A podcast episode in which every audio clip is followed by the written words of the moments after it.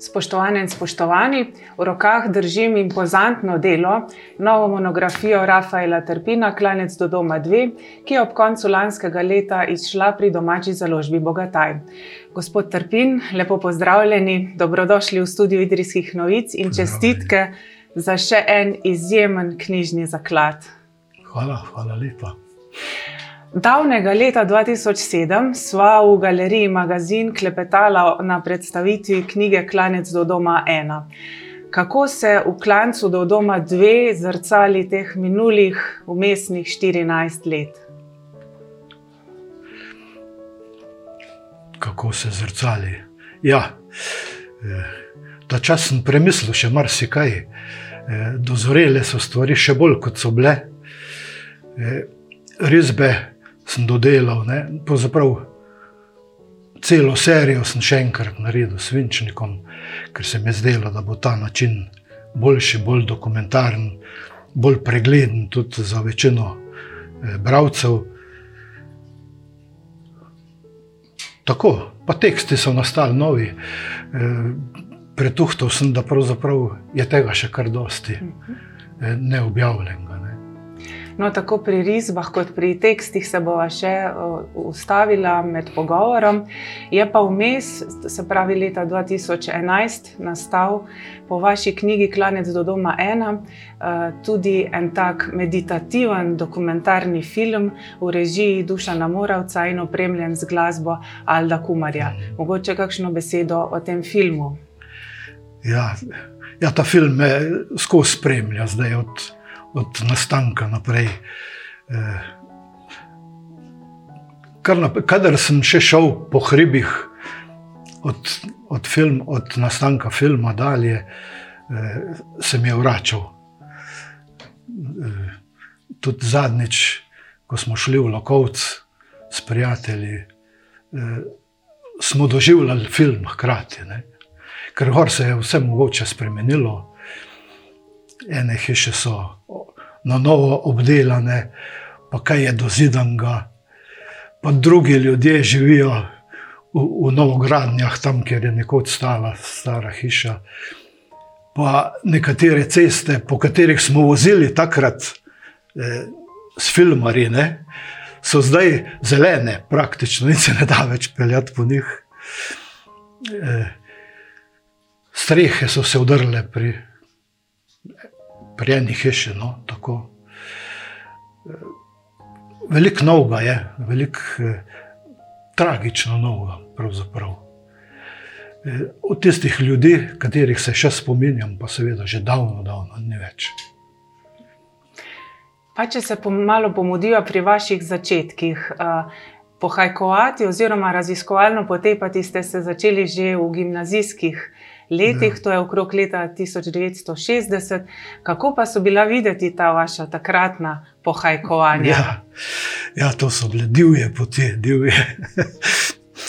Nekaj zato, ker mi ne bilo nič poznanega, ker sem vse odkril na novo. Drugič pa, ker sem bil mlad, pa eh, močan, ne? vsega sem se lotil, nič me ne bilo strah, nobene poti se nisem ustrašil. Eh, naravnost ali pa na šus smo rekli, mi je, bila, mi je bil mači kašelj, res. E, zdaj pa vsak korak pretuhtam, kako ga bom obrnil. E, to je bilo, ja. E, in pa naglo se je vse odvijalo, strašno naglo, prehitro, dobesedno. Sprva se nisem beležil, kaj dosti. Zapisoval, sploh ne fotografiral bolj malo, črno-belo, seveda najprej. E, veliko so pa hodili s podobnikom, s tem fotografom, veliko skupaj. Tudi potem, ko so že imeli fotografije, on svoje, svoje so to mal pregledovala pri meni doma in iskala primerne izraze, izreze. E, njega je to posebej zanimalo zaradi kompozicije same. Vse tudi on takrat še malo rastel, ne, e, kot fotograf. E, to so bili strašno lepi časi. Ja. E, potem se je pa začelo malo resnejše delo, ko sem začel skicirati na terenu. Ponovadi so bili ti dnevi najbolj slikarski od vsega mojega dela. In se jih spominjam strašno rad in strašno dobro. Imam skice, ne? če tiste skice pogledam, sem takoj tam, takoj eh, v tistem trenutku, na tistem kraju. In tiste ljudi spet srečujem. Eh, neverjetno, kaj ena taka skica naredi, posebej barvno. Ne? Pa tudi vaša pozornost se je kasneje bolj osredotočila na te res prepoznavne hribovske razglede na eni strani, Ja. pa potem na rože, gobe, praproti na drugi strani, Ja. in pa seveda na uh, stavbe, zlasti na kmečke hiše in vse, kar spada zraven, se pravi hleve, kašče, kozovce, pajštve, mline in tako naprej. Ja, ja. Ste se potem res tudi osredotočali na te detajle uh, in jih beležili? Ja. Ja, pokrajina je bila zmeraj glavna pri meni. Vse sem krajinar, ne se to razglašam že celo življenje.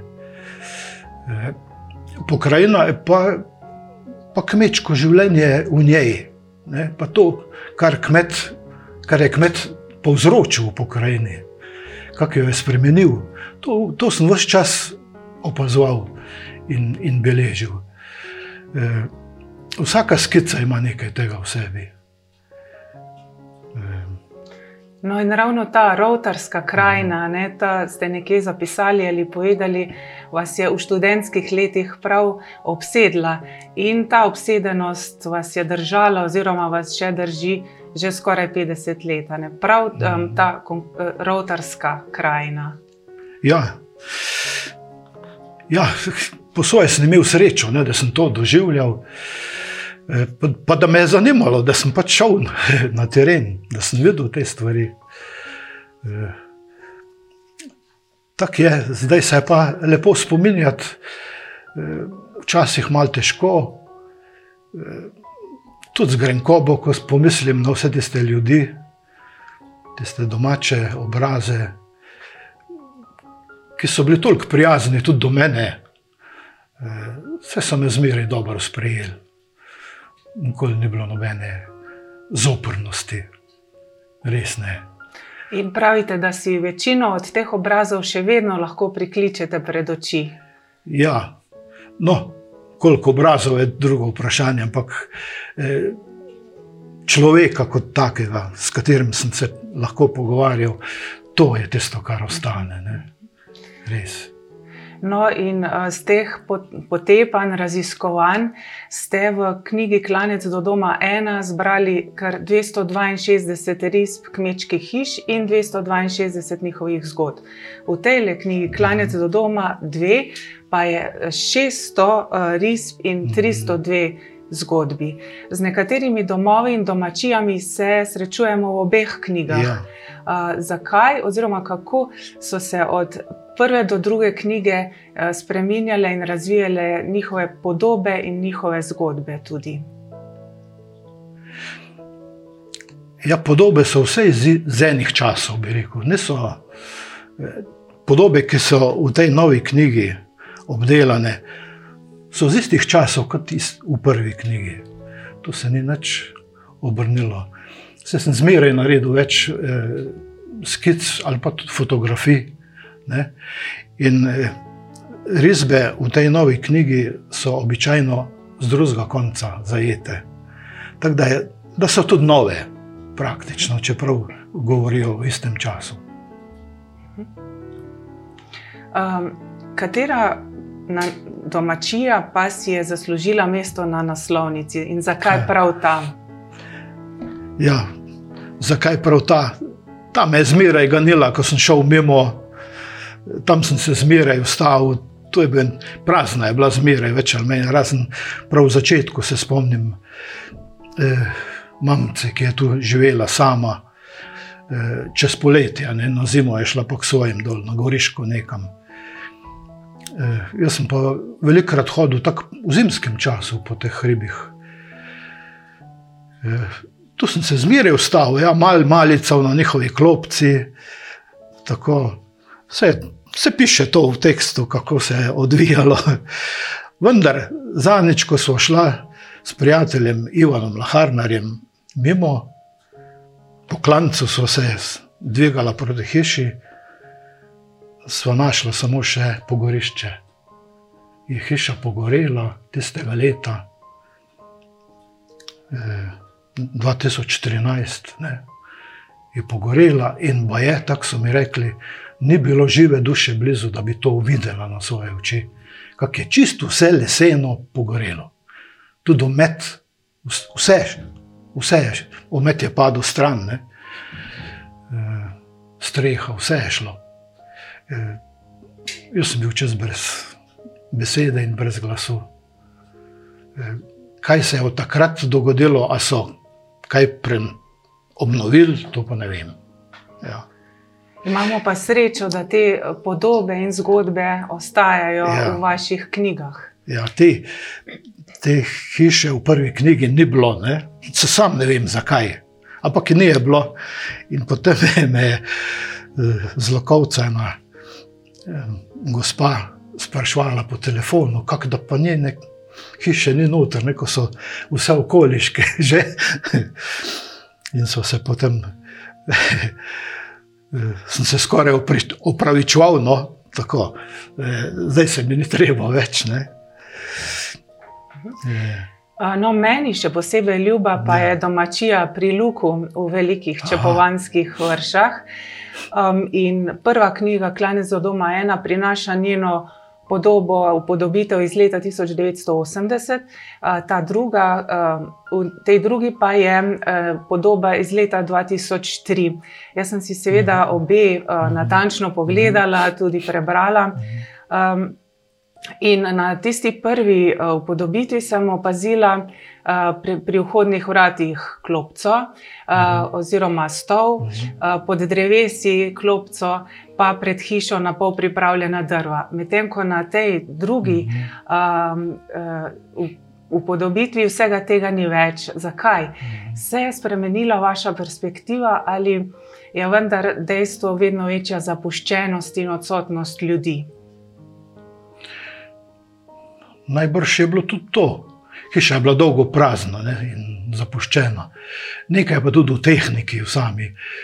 Tehnika risanja s čopičem je nekaj drugega ne, kot svinčnikom. Svinčnikom lažje tak, take detajle oblikuješ kot s čopičem. Mogoče je tudi to nekaj. Uh -huh. ja. no, ravno ko ste omenili, uh, izbrali ste drugačno tehniko uh -huh. pri mhm. prvi kot pri drugi knjigi, se pravi, prvi, v prvi je tuš. Uh, in čopič, v tej drugi svinčnik. Pa nam še povete, še kaj o specifikah enega in drugega. Ja, pri čopiču gre bolj za eh, potezo, ne, da se poteza vidi. Se je tudi tvoj oče to strašno cenil, da se, se spomnim. Eh, pri svinčniku pa poteze praktično ni, gre pa še za malo plastike, eh, ki je v prvi knjigi ni bilo. Neč, tam je vse ploskovito, svetlobno, močno, ne mhm. kontrastno. Tudi, eh, je pa veliko tega igračkanja s čopiči, različnimi čopiči, ne, kar se da lepo narediti. Eh, pravi mojstri, take eh, risbe so Kitajci, pa Japonci. Ne, tam, eh, tistim mi nismo nikoli bili dorasli. no, ampak en tak poskus je bil tak, eh, preprost bolj. Ne. Eh, ta svinčnik pa ponuja plastiko, marsikaj lahko z, dosežeš eh, s tem senčenjem, svetlobo poudarjaš, letne čase lahko nakažeš, marsikaj se da. Ne? Pa je v tem tudi kaj simbolike. Mislim na to, da se je črna barva iz te prve knjige s časom kaj posvetlila, se pravi, je usoda teh kmečkih hiš s časom postala manj črna in trda, ali, pa, ali je njihov um, konec vseeno nepreklican. Ne, v tem ne vidim nič, nič posebnega. Eh, usoda je skozi ena ne? in se nič ne spremenja. To je svet, ki je bil, ki sem mu bil priča, ampak je šel in ga ni več.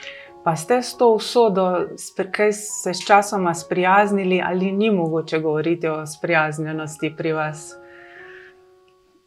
Ja, seveda, marsi, se da sprijazniti, ja, ampak eh, ta pokrajina je vendar različna ne, v knjigi. To ne moreš primerjati tega gorenjega lokovca, recimo pa enega podlanišča na Cerklanskem, ne moreš to. Ali pa ene stare oslice, eh, take bahaške, bi rekel, kako kak naj to z eno revščino dol na stopniku, naprimer, primerjaš, to se ne da to so različni svetovi. Vsa tista revščina, nekdanja je brž po vojni bila obsojena, ampak takoj, takoj po vojni. In vse to je šlo, vse to je propadlo. Tiste, tiste velike domačije, z velikim svetom, pa z lepim svetom, ki se ga da obdelovati, to je pa še živo mogoče, ampak tudi to ne vse. Ja. Ko že omenjate te kraje, nam še malo natančneje, mogoče geografsko orišite ta svoj priljubljeni, bi rekla, raziskovalno ustvarjalni teritorij. Povejte nam, hm. dokje vse segajo te vaše poti in uh, raziskovanja. Ja, eh, v tej knjigi sem malo razširil ta svoj eh, svet omenil bi eh, Lome, tam pri Črnem vrhu. Eh, tiste kmetije, ki so tako mogočne, velike, hkrati pa malo ponotrensko oblikovane, ne? arhitektonsko, ponotrensko. Eh, to je nekaj novega. Teh, te pokrajine v prvi knjigi ni bilo ne? in je zdaj obdelano, vsaj nekoliko. Eh, bolj poznam javornik, že odprej pa tiste dele. Tudi na, na Kovku, Otlice sem že zgodaj, zgodaj pred 80 letom skiciral. Eh, od tam poznam nekaj prav starih motivov, ki jih že davno, davno ni več. Tako zelo ljub eh, mi je vojskarski svet, se je tudi močno obdelan v knjigi pa tudi blizu mi je pravzaprav. Ne, vojskarski. Potem je Trebuša, ogromna, ogromna pokrajina, bi rekel, raznešena po grapah, eh, velikanski je njen svet, ne, prepreden z grapami in veliko, veliko domači. Eh, Trebuša je najizčrpna za me, res še zmeraj. Ja. Potem je naslednji svet, tam vrče povanske vrše, so tukaj prvič obdelane tako v celoti v tej knjigi. Tudi malo eh, spominom na, na drugo svetovno vojno. Tudi vrše čepovanske so bile požgane. Nekaj prav zanimivih podatkov noter. No, potem. E, Čepovansko, Grudnica, Lokovca, oba, Goreni in Srednji. Ta svet je nepopisno lep in, in samo svoj tudi. Je nekaj prav lepih štorij, tudi not zapisanih. Tu gor bi rad, če pa še šel, no, bomo videli, saj zapeljali se bomo še kdaj, upajmo. Ja, potem je svet, onkraj stopnika, seveda še Tviška planota, cela. Že davno nazaj je čas, ko sem prvič šel čez in naredil prve posnetke, prav v vasi, v Šentviški gori. Joj, nepozabno je. Zmeraj me je ganilo, kako so, kak so se gor spomnili našega Galusa. Pa obeležili to v vasi, mi tu videli pa nič. Ne. Za nas pa je to izročilo tako gluho in slepo. E, Šendviška gora je svet zase, starodavn, vse je bila naša prafara gor, ne, tako.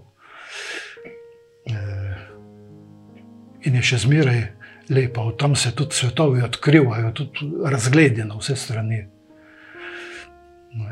No, potem pridemo pa že na crklansko stran, čez Bukovski vrh. Strmine tam so obupne, vmes so police, kot en biserček, arhitektonski in pa duhovni, tudi eh, zelo lep, s crkvico tam sredi polja, izjemen kraj. Potem so pa vsi dol, niže, reka, Bukova, pa ti zaselke okrog Bukova, za kojca na drugi strani, ki smo jo tudi z šolari crklanskimi obdelali. No, potem je ožja crklanska, ne, ki se je včasih dotaknem, malo bolj včasih pa niti ne, čez Novake. Od povsod e, je tudi pokrajina izjemna, od povsod, da se le malo dvigneš iz, iz grab ven. S poreznom, s pogledi proti krmu, ja, no, se nekaj, da bi našteval. Ja. No, pa tam on, stra, eh, svet onkraj eh, crknice je pa, je pa, mal, je pa drugačen. Ne? Je pa malo na Gorensko škili, eh, lepše kmetije, večje domačije, prikladnejši svet za obdelavo. Eh, in takih, kako bi rekel, zapuščenih podrtih domov ni toliko. Ne? Svetovi so pa še zmeraj slikarsko eh, neprecenljivo lepi. Ja, potem se pa spustimo naprej, ja, proti eh, goram, dolam, to je svet mojega otroštva. Eh, poti, ki smo jih ob nedeljah z očetom eh, pridelali. No, po z očetom smo šli tudi na Porezen, enkrat na leto. Tako pa na Javornik smo šli dvakrat na leto, peš iz Idrije, seveda, pa v Žir smo šli enkrat na leto, čez razpote, pa čez eh, Govejk dol, pa nazaj čez Mrzo vrh nazaj. Eh, Taki sjajni spomini so tudi po tej plati, ne po tej otroški še. Eh, kasneje sem pa vse sam obdelal. Ampak je bilo pa tako, da dokler je bil oče še živ, eh, je bilo pravilo, da se oglasim pri njem in sedem in mu lepo povem, kje sem hodil. da so vse lepo obdelala, da je bil na čistem, kje, kje se potepa njegov mulj. Tako, rad se spominjam tudi teh pogovorov, no, ker ga je vse zanimalo. Ja. Tako, no, potem smo pa na Idrijskem že. Ja. Hm. Skratka, iz te vaše pripovedi je razvidno, da greste tudi čez meje Idrijske in čez meje ja. crkljanske občine, ampak vseeno, če pogledamo že naslove nekaj vaših monografij, um, se pravi Stara Idrija v Linorezu, pa Idrijske hiše, pa klanec do doma 1 in 2, pa dom mojih prednikov 1 in 2. Mhm. Že iz teh naslovov pa se mi zdi razbrati, da vseeno ostajate zvesti nekako to, to vašo pripadnost domu. Uh, in prav ta idrijsko-crkljanska rotarija v vas je pa tisto jedro, bi, bi lahko tako rekli. Ja. Je jedro, je. je.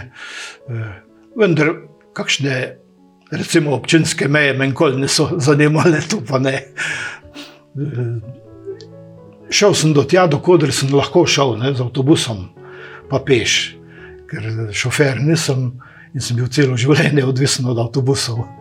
Sem imel vse te proge preračunane, kje bom šel gor, kje pa dol. Tako, še zdaj mislim na to, čeprav mi ni več mogoče ponavljati teh poti. Ampak en ja. tak priljubljen eh, element eh, je reka Idrica. Ta vam ja. je strašno ljuba. Zakaj prav Idrica? Ja, zakaj? lepa je, ne? imenitna je, ni kaj reči. Lepa je cela, cela dolina je lepa, nekaj biserčkov ob njej je pa sploh. Eno je, eno je ta kot eh, Idrijski, ne? ki ga vidiš lepo z griča svetega Antona ali pa iz Kobalovih planin, ne? zelo lepo. Drugo je svet na Želinu, ki ga tudi vidiš, ali zlastca dol, recimo, ali pa iz Gastabil v Ravnah, izjemen. Tretji ta kotiček je na reki, tam, ko pride dol Orehovska grapa, pa Kazarska grapa, ne, pa, pa Sjavnca iz Šebrelskega. To je tudi prelepo. Tako. Pa še naprej dol, seveda. Pa mal, me pa manj zanima, ker je že daleč. Ampak prav v Idrici ste nekje zapisali bolj poetično, kot ste nam zdaj uh, povedali, da je dobra kot kruh in prisluhniti ja. ji je za dušo odrešitev. In njenim pesmim, da ni videti konca, in vi se jih kar ne morete naveličati. Pravzaprav v filmu tako govorite o Idrici. Ja, ja, ja. Seveda. Eh. Veste, ko sem bil še dijak, v četrtem letniku, mislim, da je bilo. Sem velikokrat šel s kolesom zjutraj pred poukom v struh, gor, tam, kjer je zdaj brv za, za plezališče, tam nekje sem se ustavil in sem šel dol k vodi, pa tam obsedel za pol ure pa nazaj domov, pa v šolo. Tako se mi je lepo zdelo, tam en tak izjemen kotiček ob, ob reki. Za sprostitev ja, in neko meditacijo, ja. mogoče tudi. Um, če se še malo v, um, natančneje pogledamo knjigo, uh, tu so seveda risbe uh, teh domačij. Ampak na nekaterih krajih ste naleteli samo še na ruševine teh mhm. domačij. Kako ste potem mhm. rekonstruirali njihove podobe? Ja, to me je začelo tako vleči, ja, da sem potem stikal po teh ruševinah in tloris risal. Ne, tloris me je zanimal. Včasih je bilo še malo zidov, pa kakšno okno se je videlo, tako da sem lahko sklepal. Eh, kak je bilo. Eh, računajte, da stavbe so bile podobne v sosedski, se ni bilo veliko eh, razlik. Razlike so bile med predeli, recimo Lokovškem, pa vojskem, ali pa vojsko, pa Cerklanski vrh. Je, tu so razlike, gotovo. Ali pa Črnovrško. E, Tako da sem postavil nazaj tisto hišo, če se je dalo. Če je bilo toliko stankov, da, da sem lahko kaj ugotovil, ne? kje je bil vhod, kje je bil vhod v klet, koliko je bilo okno v pritličju, e, in tako naprej. Veliko krat sem bil za dregi, kako je bilo za trepom, a je bil slamnat, a je bil lesen, a je bil cel ali polovičen. Tam je bila včasih lahko tudi kakšna napaka, ampak eh, kot osnova te rekonstrukcije je bilo povečer meni zadeto, po moje. Za nekatere risbe so mi tudi rekli doma, domači ljudje, da, da sem še kar zadev. No, take, ki so, so bile recimo požgane med vojno. Tako. Kako pa so nastajali zapisi ob eh, risbah? Ja, zapise sem naredil v taki obliki, kot so zdaj, vse naenkrat. Ne, ko sem se lotil, je šlo kot domi, ne, eno za drugim. Ko se noto tečeš, kar, kar gre to. E, drobci teh so pa zapisani v dnevnikih, seveda. Ne, v popotnih dnevnikih, ki sem jih pisal stalno, bi rekel. No. Ti, ti zapisi so pa včasih m, zelo skromni. No včasih so pa malo bogatejši. Bogatejši so, so bili takrat, ko sem na terenu zapisoval vtise in je potem nastala knjiga Zrele poti. Tisto je bilo vse na terenu nastalo. Ne. Tisto je en svet zase, tisto je malo drugače. Ja. E, pravzaprav ne sodi v to knjigo. Ampak so pa ta besedila v vašem nadalječ prepoznavnem slogu, so izjemno poetična in z res prefinjenim občutkom, tako za ljudi, kot za prostor, ampak hkrati so pa tudi izjemno bogata s temi dragocenimi podatki. Um, In zanimivo je ena misel dr. Jožeta Čarja v filmu o, o tem vašem slogu, res prepoznavnem je, da iz vsakega vašega besedila diha mehkoba in posebna lepota in uh, celo ezoterika vašega dojemanja sveta. In res je tako, kot prebiramo te zgodbe, uh, zaznamo, občutimo natančno to. Ja, hvala za lepe besede. Ja, hvala. Ja. Čeprav sem se zmeraj zavedal, ne, kaj sem, da sem le popotnik skozi te svetove, da le gledam ene stvari, ki so realne, ki so resnične, ki resnično propadajo, ki so resnično same. Ne, tega sem se zmeraj zavedal. Sam eh, najbrž je v meni nekaj, da sem pač napisal malo drugače, malo bolj poetično. Ne.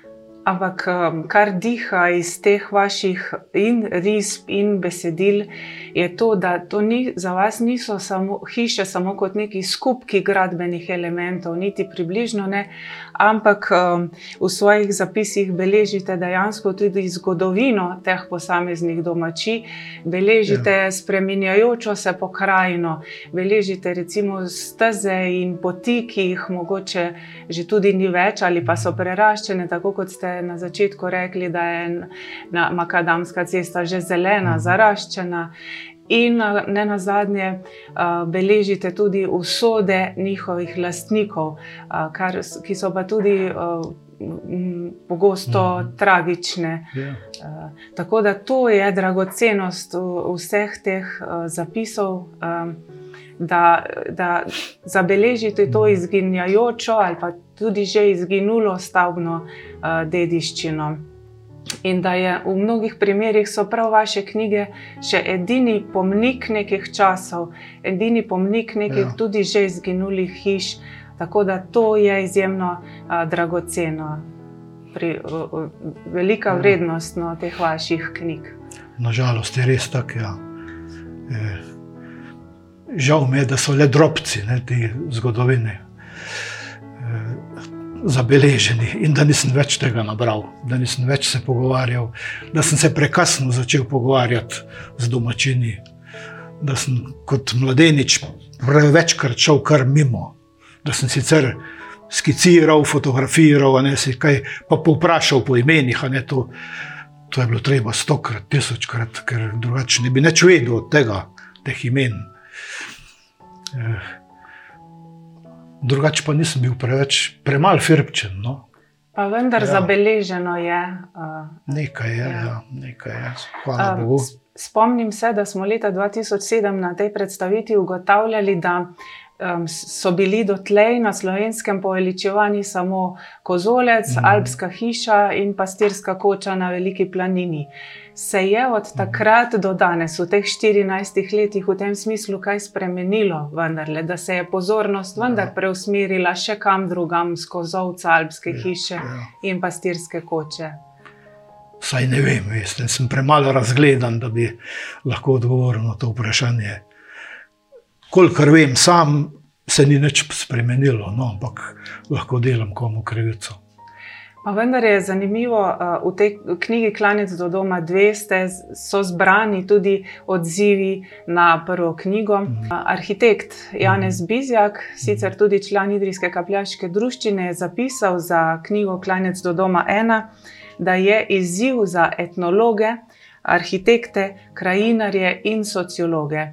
Se vam zdi, da je ta izziv prišel do teh omenjenih strokovnjakov takrat? Vem, ne, tega. Slišal nisem nič. No, in če je bila tista knjiga izziv, je ta izziv na kvadrat, lahko rečemo. Ja, gotovo. In pa um, še en, žal že pokojni botanik, dr. Tone Vraber, je pa izpostavil tudi botanično vrednost vaše knjige, tudi v te detajle uvrščate v svoje zgodbe. Ja, nekaj tega. Čeprav z, z rastlinami, to, točneje z rožami, se ukvarjam krajši čas, kot pa s hišami in pokrajino. Eh, sem pa vtaknil tudi te stvari zraven, ja, seveda, ker spadajo tja. So, del pokrajine, del našega bogatstva, del splošne eh, krajinske lepote. Ne moreš mimo tega. Ne? In pa ljudje tudi ne poznajo stvari. Na vas je ne, za marsikaj ne vedo. No? Koliko sem na vojskem lepega, ne? Eh, koliko rastlinskih vrst, kakšni travniki so gor. Ne vem, jaz bi rad, da bi to vojskari bolj začutili v sebi in bolj cenili. Eh, pa še povsod drugot. Ne? Ja, ampak bistvo knjige, seveda, niso rože in ne rastline, to pa ne. No, o izjemni vrednosti te uh, knjige Klanec do doma 2 pričajo ne na zadnje tudi osupljivi tehnični podatki. Uh, knjiga je šla v nakladi 500 izvodov, uh, v kateri so kar 3 tone papirja. Uh, knjiga ima 470 strani in um, tehta skoraj 2 kg, malo za šalo, malo za res. Um, je knjiga tudi v tem smislu uh, zelo tehtna. Uh, no, in pa originali vaših risb so v knjigi odlično zaživeli in uh, živijo. Uh, in prvo knjigo ste izdali v samo založbi, mhm. pri tej drugi ste se povezali z založbo Bogataj. In gotovo je ob založniku pomembno ali pa kar ključno vlogo odigrala oblikovalka Branka Štremfel, kaj ne? Ja, ja. Sigurno. Se smo lepo delali, lepo je speljano. E, se zahvalim vsem ne, pri založbi Bogataj, da je tako gladko šlo. E, nimam kaj reči tem e, objavljenim risbom, ne, teh po tehnični plati, prav res. V redu je. Ja. In že odzivi, kot smo rekli, že odzivi na prvo knjigo, Klanec do doma ena, so bili odlični, pozitivni. Uh, mogoče samo bi uh, citirala še uh, zapis tudi žal že pokojnega primarja dr. Jožeta Felca, uh, ki je v tem svojem pretanjenem uh, slogu takole zapisal knjiga, se pravi Klanec do doma ena, bi morala biti last vsakega doma. Z njo je nas, ki živimo tot in svojo ustvarjalnost izročamo arhivu vsebin in oblik, zavezal k zvestobi do zgodovine. S to knjigo nas je več, čeprav nas je z vsakim dnem manj. Čas nam povzi iz rok, to da nikoli nas ne bo zapustil, ker imamo izpričevalce. Eden najpomembnejših je Rafael Trpin tako uh, lepo in uh, je povzel bistvo uh, do, dr. Jožef Felc. Ja. In gotovo so in bodo tudi odzivi na to drugo knjigo odlični, kaj pravijo vaši znanci, prijatelji. Ja, upam, da doslej so bili. Kar je prišlo do mene, je bilo vse v redu in pohvalno, še in še. Kaj bo pa še prišlo, ne? zdaj, ko bo knjiga predstavljena in bo vednost o njej bolj na široko segla. E, upam, upam na dobre odzive, seveda. No, pa končajmo eh, z vašim zadnjim stavkom v knjigi Klanec do doma 2. Uh, eh, poklanjate ga ljud, prav ljudem, s katerimi so se križale vaše poti. Tako ste ja. zapisali. Ja. Ob svojih domovih, ki so bili vsi po vrsti starikavi relikti iz preteklih časov, so mi, ti ljudje, namreč v življenje prinašali vedrost in spoštljivost do vsega živega in neživega. In prav tega, se pravi, vedrosti, predvsem pa spoštljivosti do vsega živega in neživega, se mi zdi, da nam v teh časih kronično primankuje. Se strinjate? Ja, če se strinjam, ja, tako. Ampak um, prepričana sem, da ste tudi vi tem ljudem, ne samo oni vam, torej da ste jim že s pozdravom, prijazno besedo, pogledom, ja. Posvetlili in pogreli ta njihov vsakdanjik. Ja, to ne le upam, verjamem, da je bilo tako. No. Vse so me bili veseli, veliko krat. Ja. Zbiraj, no, vse ni bilo nobenih nerodnosti, res. Eh, ja, zmeraj se jih bom spominjal. Ja. No, tako kot tudi um, s svojimi knjigami in svojimi likovnimi deli uh, svetlite in grejete uh, vsakdanjik nam vsem. hvala, hvala lepa. Najlepša hvala, gospod Trpin, za ta uh, nadvse prijeten pogovor in hvala še enkrat za to novo, neprecenljivo obogatitev domoznanske knjižne zbirke. Hvala lepa. Vam, spoštovane gledalke in gledalci, pa najlepša hvala za pozornost. Čas je vedno primeren, da vzamete v roke slikoviti klanec do doma dve Rafaela Trpina. In ker je pomlad pred urati in ker se epidemiološke razmere izboljšujejo, se kmalo srečamo tudi na živi predstavitvi v mestni knjižnici. Srečno!